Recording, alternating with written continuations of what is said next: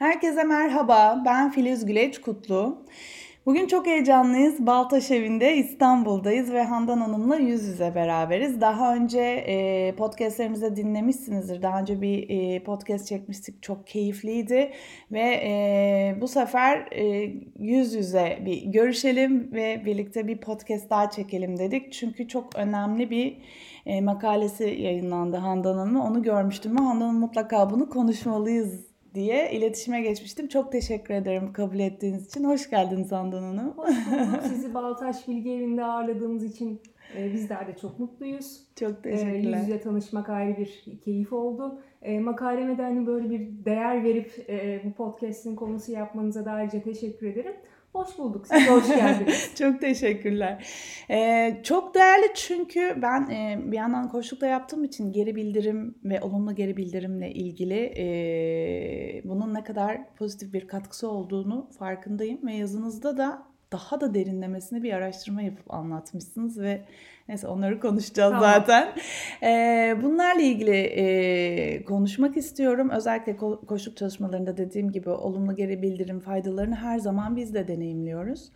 Ee, danışanlarımızın işte performanslarını arttırmada, gitmek istedikleri yolda gerçekçi hedeflere ilerlemelerinde bu olumlu geri, geri bildirimin katkısı gerçekten çok fazla.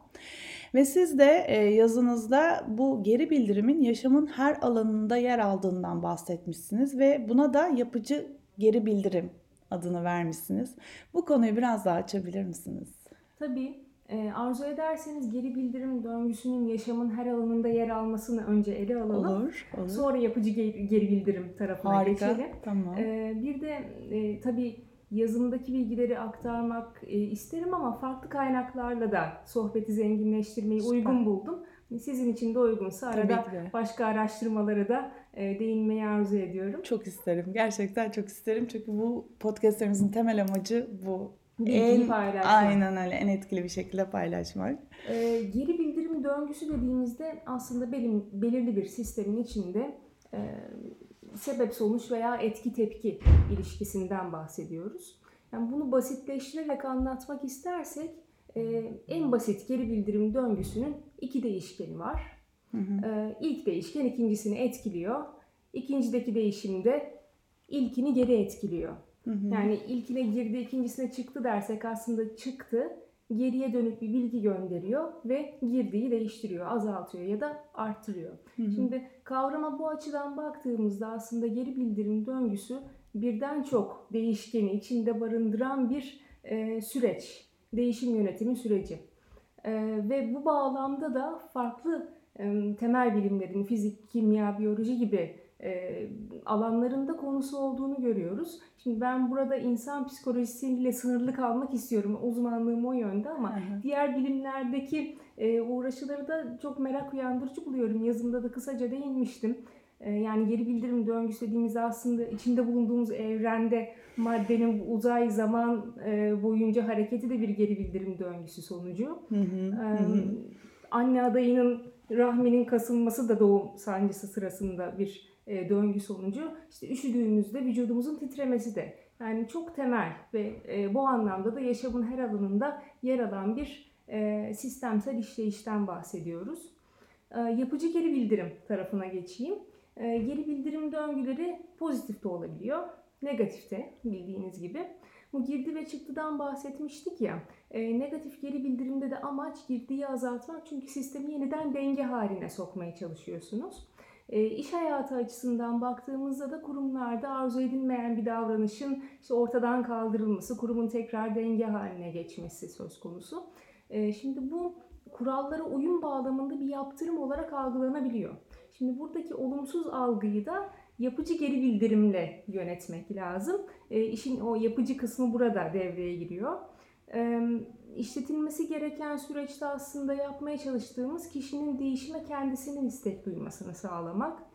E, büyük resimdeki denge arayışını aslında geri bildirimi veren kişi de sağlamaya çalışıyor. Yani biz olumsuzu e, konuşmamazlık etmiyoruz. Konuşuyoruz ama bunu e, motivasyonu kırmayacak, düşürmeyecek şekilde yapmaya gayret ediyoruz. Burada da bir denge var. E, döngünün felsefesi içerisinde zaten e, kök nedeni bulmak yatıyor. Yani tarafların e, asıl nedene odaklanıp ilerlemesi mümkün olabiliyor çözüm arayışında. E, ve döngü aslında kendi içerisinde de almayı ve vermeyi dengeliyor. Yani geri bildirim alamayan bir kişi onu veremiyor da karşı tarafa. Şimdi böyle de bir e, kendi içinde de döngü var. Yani e, işin felsefesinde e, bu şekilde olmadığı zaman hani iki tarafta birbirini dinlemediğinde ya da etkin dinlemediğinde, kayıtsız kaldığında sizin sorunuzda da bahsettiğiniz gerçekçilikten uzaklaşıyoruz. İşte olumlu tutum ve gerçekçilik bir arada olmayınca da e, kısır döngüye giriyoruz bu sefer de. e, Zenger ve Folkman'ın Harvard Business Review'da yayınlanan bir çalışması vardı. Orada bir anket yapmışlar. E, ve oradaki katılımcıların yaklaşık üçte biri e, övgü ve takdir içeren pozitif geri bildirimden ziyade işte gelişim önerileri sunan, e, bir işi daha iyi ve daha farklı nasıl yapacaklarını ortaya koyabildikleri e, ve e, işi uygun bir şekilde yapıp yapmadıkları hakkında da yani hatalı da yapsam ben bunu bileyim anlayışını karşılayan geri bildirimlerden çok daha fazla performanslarını geliştirmek anlamında faydalandıklarını söylüyorlar. Yani dolayısıyla biz düzeltici geri bildirime ihtiyaç duyuyoruz ama ne zaman yapıcı bir üslupla sunulduğunda işte yapıcı geri bildirimde bunu, bunu ifade, ifade ediyor. ediyor. Yani çok çatışmaların olduğu yerde bunu uygulamak o kadar kolay değil aslında. Evet. Bunu çok iyi anlıyorum ama e, özellikle şöyle gözlemliyorum. Doğru mu lütfen e, beni düzeltin yani yanlışsam hani Y kuşağı dediğimiz kuşağın hani artık akıl almaktan gerçekten çok rahatsız olduğu bir e, duygu durumu var. Yani bunun, ben zamanında bunu böyle yapmıştım, senin de bunu böyle yapman gerekiyor. Sen de bu yollardan geçeceksin gibi şeyler artık çok etkili olmuyor sanki. Ama olumlu geri bildirimde şu var. Ben böyle başardım. Sen nasıl başarabilirsin? Bunu başarman için ben senin için ne yapabilirim? Ve e, bu çalışmalarımız sonucunda da şu şu şu alanlarda gerçekten çok başarılı olduğunu gördüm. Benim gittiğim yola da benziyor. Daha fazla ne yapabiliriz demek bir olumlu geri bildirim ve daha sonuç odaklı değil mi? Yani yoksa benim gittiğim yoldan gidiliyor. Sen de bunu yapmışsın ama onun yerine bunu bunu yap ki ancak sen böyle başarırsın demek. Yani orada herhalde kendi hikayemizi anlatmanın ötesine geçmemiş oluyoruz başkasının hikayesiyle evet. de e, evet. kendimize bir sonuç çıkarmamız çok mümkün olamayacaktır diye düşünüyorum. Orada yine hani sizin zaten koçlukta da yaptığınız kendi içine dönme.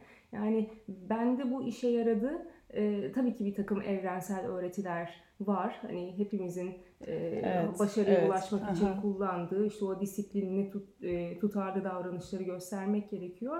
Ama e, olumlu geri bildirim tarafında da işte o gelişimi gördüğünüzde karşı tarafı motive edebilme imkanını sağlamak e, önem kazanıyor diye düşünüyorum.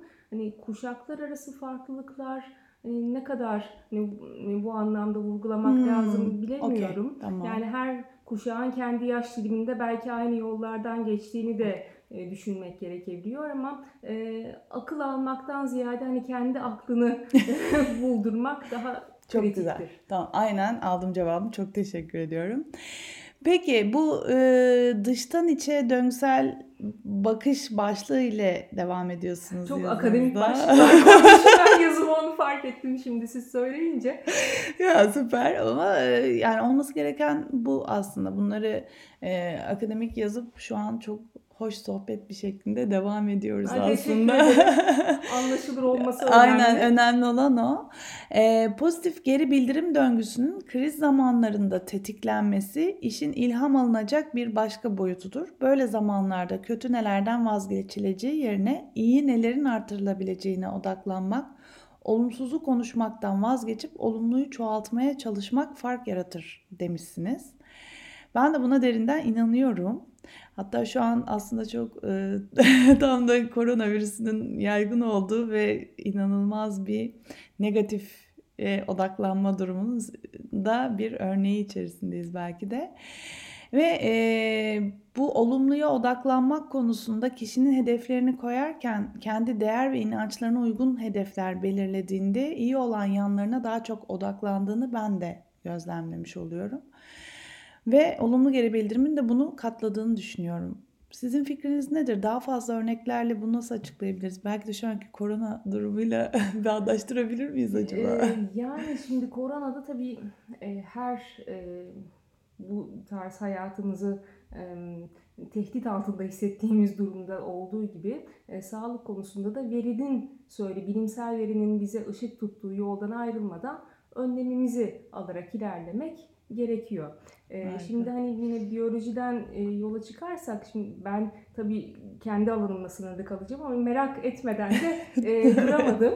E, şey yazımda da iki pozitif geri bildirim döngüsünden bahsetmiştim. E, bir tanesi işte bu sohbetimizin başında da işte doğum sancılarında e, ne oluyor? İşte rahim ağzı kasılıyor, oksitosin salınıyor e, sinir hücrelerinin verdiği emirde. E, sonrasında oksitosin tekrar e, rahme geri döndüğünde, taşındığında daha büyük bir kasılmayı tetikliyor. Ya da işte yaralanmalarda yaralı bölgede e, trombositler birikmeye başlıyor. O biriken trombositler kimyasal salgılıyor. Daha yeni, e, yeniden trombosit oraya akın ediyor ki işte hızlı bir mühürlenme süreci aslında daha e, fazla pıhtı maddesin orada e, toplanması sağlanıyor gibi. Ben burada bırakayım bu bilgiyi çünkü hani uzmanlara bırakmak lazım ama benim e, hani gözleyen bir insan olarak bunları değerlendirdiğimde de e, gözlemim şu oldu aslında e, kriz dediğimizde e, vücut bunu e, atlatılabilir geçici bir süreç olarak yaklaşıp e, o süreci yönetmeyi kolaylaştıracak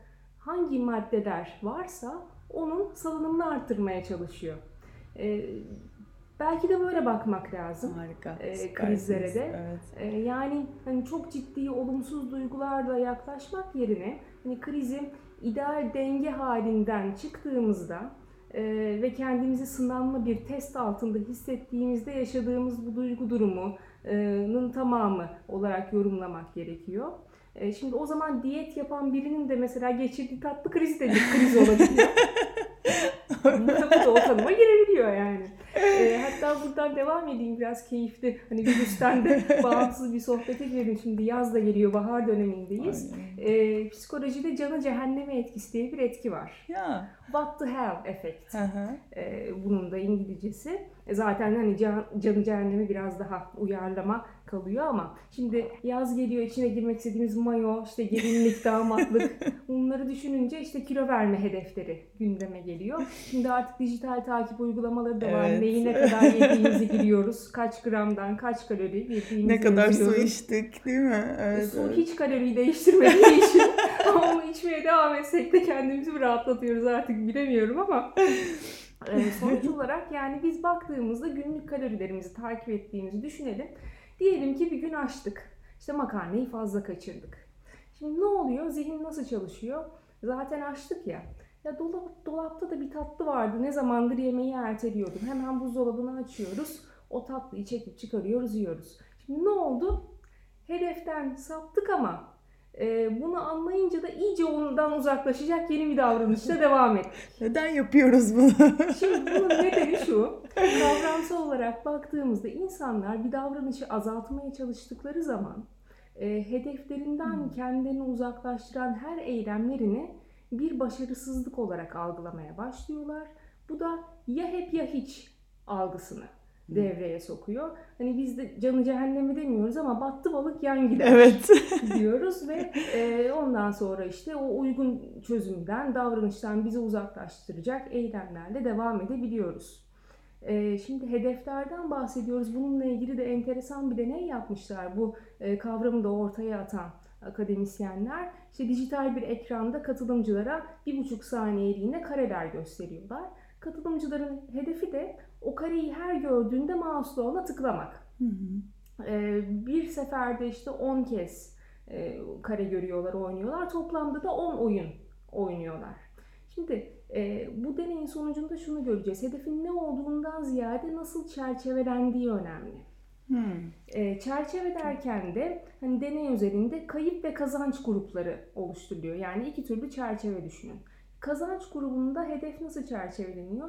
E, deniyor ki sen her kareyi tıkladığını, başardığında bunu e, bir puan kazanacaksın. İşte oyun başına 10 puan, 10 kere oynayacaksın, 100 puan kazanabilirsin. Kayıp grubunda da Ben sana önden 100 puanı veriyorum diyor. Her Hmm. hata yaptığında yani o kareyi ıskaladığında puan kaybedeceksin. Şimdi ka- kayıp ve kazanç olarak Evet. çerçevelendi. Şimdi burada ama ikinci bir düzenleme devreye giriyor. Katılımcılar kendilerine hedef koyacaklar. Ee, bu Hmm. hedefler yakın hedefler olabilir. Her iki grupta yani kayıpta kazançta. Ya yakın ya uzak hedef koyma durumu var. Yakın hedef dediğimizde zamansal olarak yakınlık. Yani ben e, 10 kere oynayacaksam oyunu her oyun öncesinde acaba kaç puan kazanacağım? Bunu tahmin etmeleri isteniyor. Hmm. Kayıp grubunda da eğer yakın hedefse işte yine o oyun öncesinde e, kaç kareyi ıskalayacağım, kaç puan kaybedeceğim. Uzak hedef grubunda da 10 oyunun sonunda toplamda işte 100 puana ulaşacak mıyım? Ya da işte şu kadar puan kay işte 20 puan kaybedeceğim ben 80 puanla oyunu bitireceğim mi diyor. Hmm. Şimdi e, yakın hedef, uzak hedef, kayıp kazanç e, grupları e, sizce sonuç ne çıkmış olabilir? Yakın hedef ve eee, kayıp mı? Sonuç. Şimdi Kazanan yani k- eee, yakın hedef belirleyip Hı hı. eee, hata yaparsa kaybeden grup mu daha iyi? Şöyle düşünelim. İnsan psikolojisi hemen kazancı görmek istiyoruz ya biz. Aslında e, kazanç Ha. odaklı katılımcıların yakın hedef koydukları durumda en iyi performanslarını gösterdiklerini Hmm. görüyoruz. Yani ne oluyor? Aslında sık geri bir bildirim aldıkları konu onların e, ne kadar iyiye gittiğine yönelik oluyor. Hmm. Şimdi kazanç e, durumu böyle. Kayıpta da e, performansın daha iyi olduğu durum uzak hedeflerde. Öyle mi? Evet. Ya. Yani enteresan çünkü Evet. aslında bu araştırmanın çıktısı şu. İstenmeyen davranışı azaltmaya çalıştığımızda Hı hı. kısa dönemli hedefler bize belli bir noktada canı cehenneme dedirtiyor. Okey, tamam. Ee, yani odaklandığımız hedef bu türde olduğunda ne yapıyoruz? İşte ya hep ya hiç algısı, başarısızlık algısı Ee, ve Hmm. sürekli hatalarımızla ilgili geri bildirim aldığımızda bizde o başarısızlık algısı zamanla öz yeterliliği de düşürecektir. O zaman biz hedefimizi düşürmeye, düşürmeye başlıyoruz. Ee, hedef düzeyini düşürüyoruz ya da işte hedeften uzaklaşıyoruz. Ee, ve işte diyet örneğinden yola çıkalım. Yine dolaptaki tatlıyı yemeye yöneliyoruz. Halbuki kazanç odaklı düşününce ne oluyor? Biraz bile gelişim gösterse bu bizim için bir başarı. Ee, ve ona e, sarılıp o olumlu duygularla e, devam etmeye e, niyetli olabiliyoruz.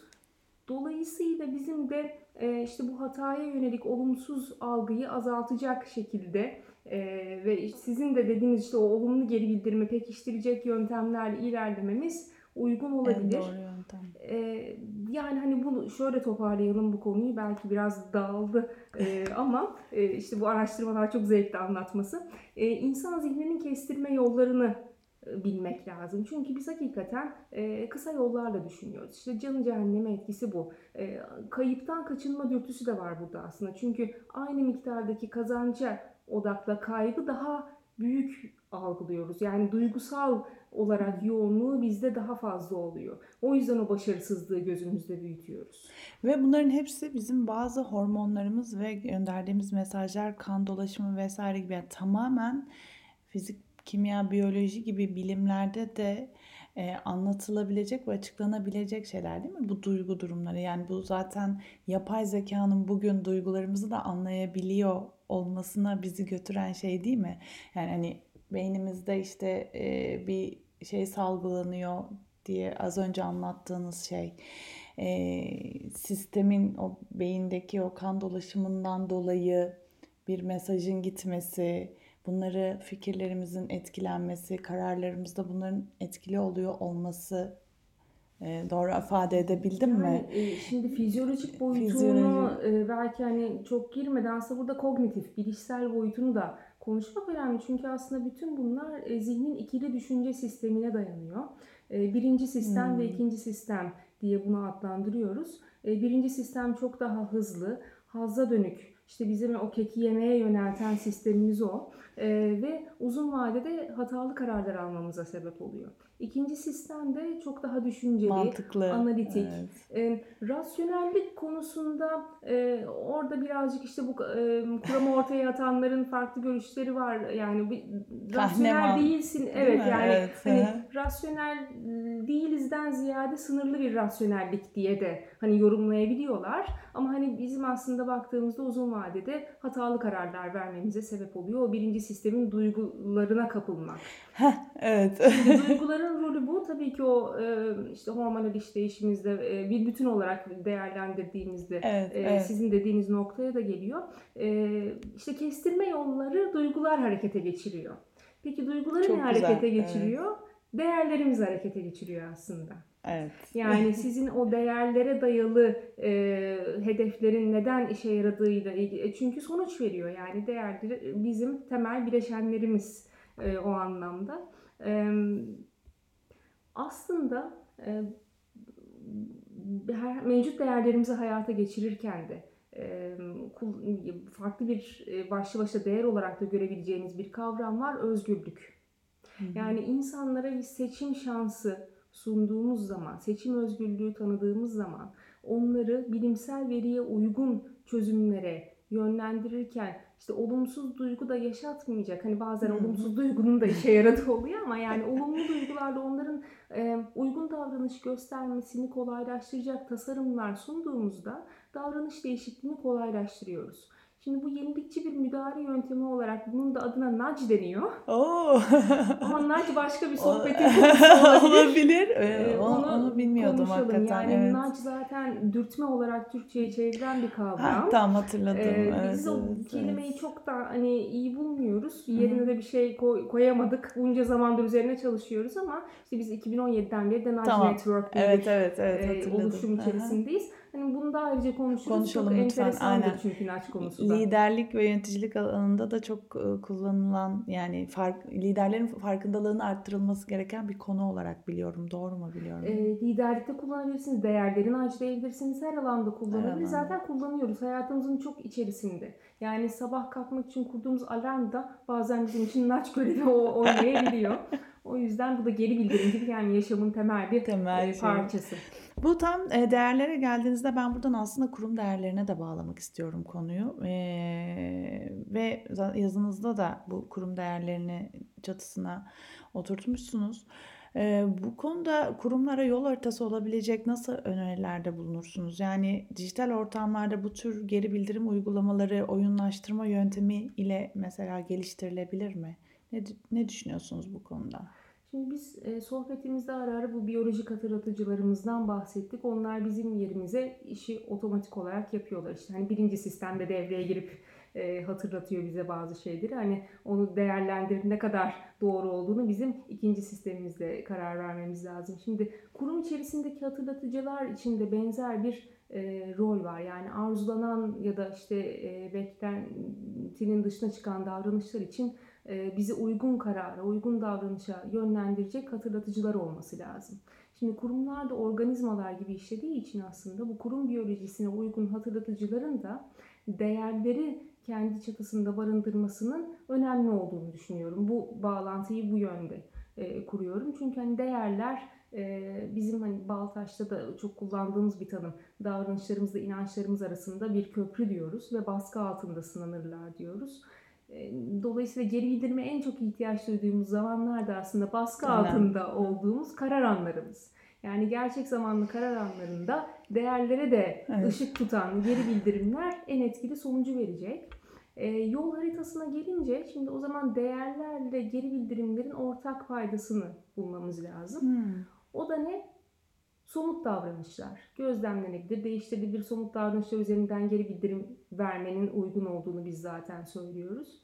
Ee, değerlerin de tanımlanabildiği davranış, somut davranışlar var o değerin karşı, karşılığı olan.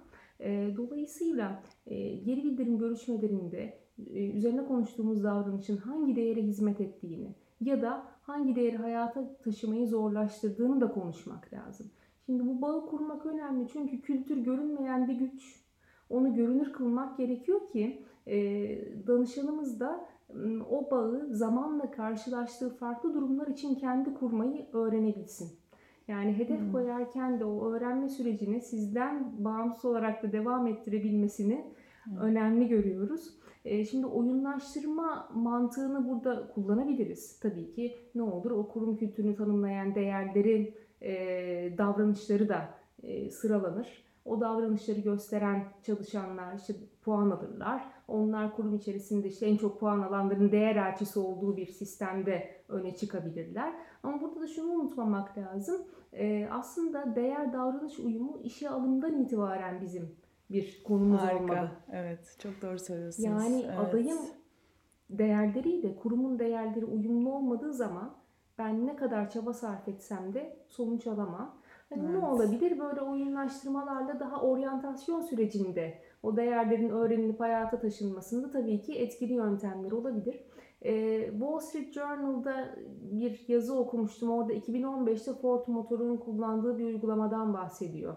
Ee, işte onlar Code of Conduct dedikleri bu iş ahlakı tüzüğünü bir uygulamaya dönüştürmüşler. Harika. Ee, ve çalışanlar buna girip e, herhangi bir karar anında işte hangi değerler üzerinden bu kararı ilişkilendirebileceklerini görebilecekleri bir yol haritası diye anladım. Süper, E, Tabii süper. yani onu bizzat inceleme fırsatı olmadı. Çok kısa bir e, özet şeklinde bu bilgi veriliyordu ama yani burada da belki şunu düşünmek lazım. Biz değerleri eğitimlerde öğreniyoruz ama karar alırken ne kadar bunu bilinçli olarak önceliklendiriyoruz? Yani aldığımız- Bilinçli olarak ö- ö- önceliklendirmek e, Ya o çok yapılabilecek heh, aha, bağı kurabilmek. Evet. Okey yani bilinç onu iyice içselleştirdiğimizde davranışlarımıza döndürebiliyoruz ya. Evet, E, evet. o o zaten içselleşmiyorsa e, benim koçlukta çok fazla karşıma çıkan Hı hı. yanlışsam lütfen düzeltin. Yok, E, eski değerlerine yani değiştirmesi gereken değerinin farkına varmıyor. Farkına vardığında vazgeçmekte zorlanıyor ve yeni bir değer yaratmakta çok zorlanıyor. Bunları yarattıktan sonra onları davranışa dönüştürmek bayağı uzun bir süreç yani. Hı hı. Çok kolay bir şey değil. E, o anlamda bilinçli bir şekilde bu değere bağlı olarak bu davranışı yaparım demek demek ne kadar Yok yani Ha. orada belki onun farkındalığını sağlamak. Yani tam ben bir içselleştirmek önce belki. karar alıp sonra da yani e, daha doğrusu önce davranıyoruz sonra o karara geri dönüp bakıyoruz ya. Şimdi o geriye dönüp bakma halinde e, benim işte değerlerim burada nasıl rol oynamış?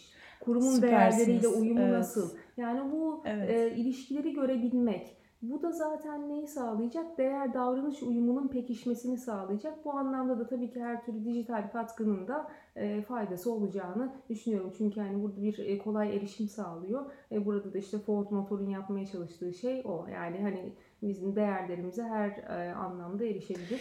Yani her kurum sunmak. Bunlara doğru zamanı aramalı, ayırmalı değil mi? Yani bu değerleri e, sorgulamak, birlikte kurum kültürünü oluşturmak, e, geri bildirim döngüsünü bu olumlu geri bildirim üzerinden yapabilmek için kurumlar gerçekten zaman ayırmalılar değil mi bu tarz çalışmalara? Yani değerler e, işte Acar Hocam da der hani duvara asılı kalmakla hayata Evet. taşınmıyor. Dolayısıyla yani bizim e, davranışlarımız aslında o kurumun farklı bireyde, e, bi- birimlerinde ya da düzeylerinde de değer farklılıkları olabiliyor. Yani bütün kurumun e, homojen bir e, e, dağılımı da söz konusu olamayabiliyor.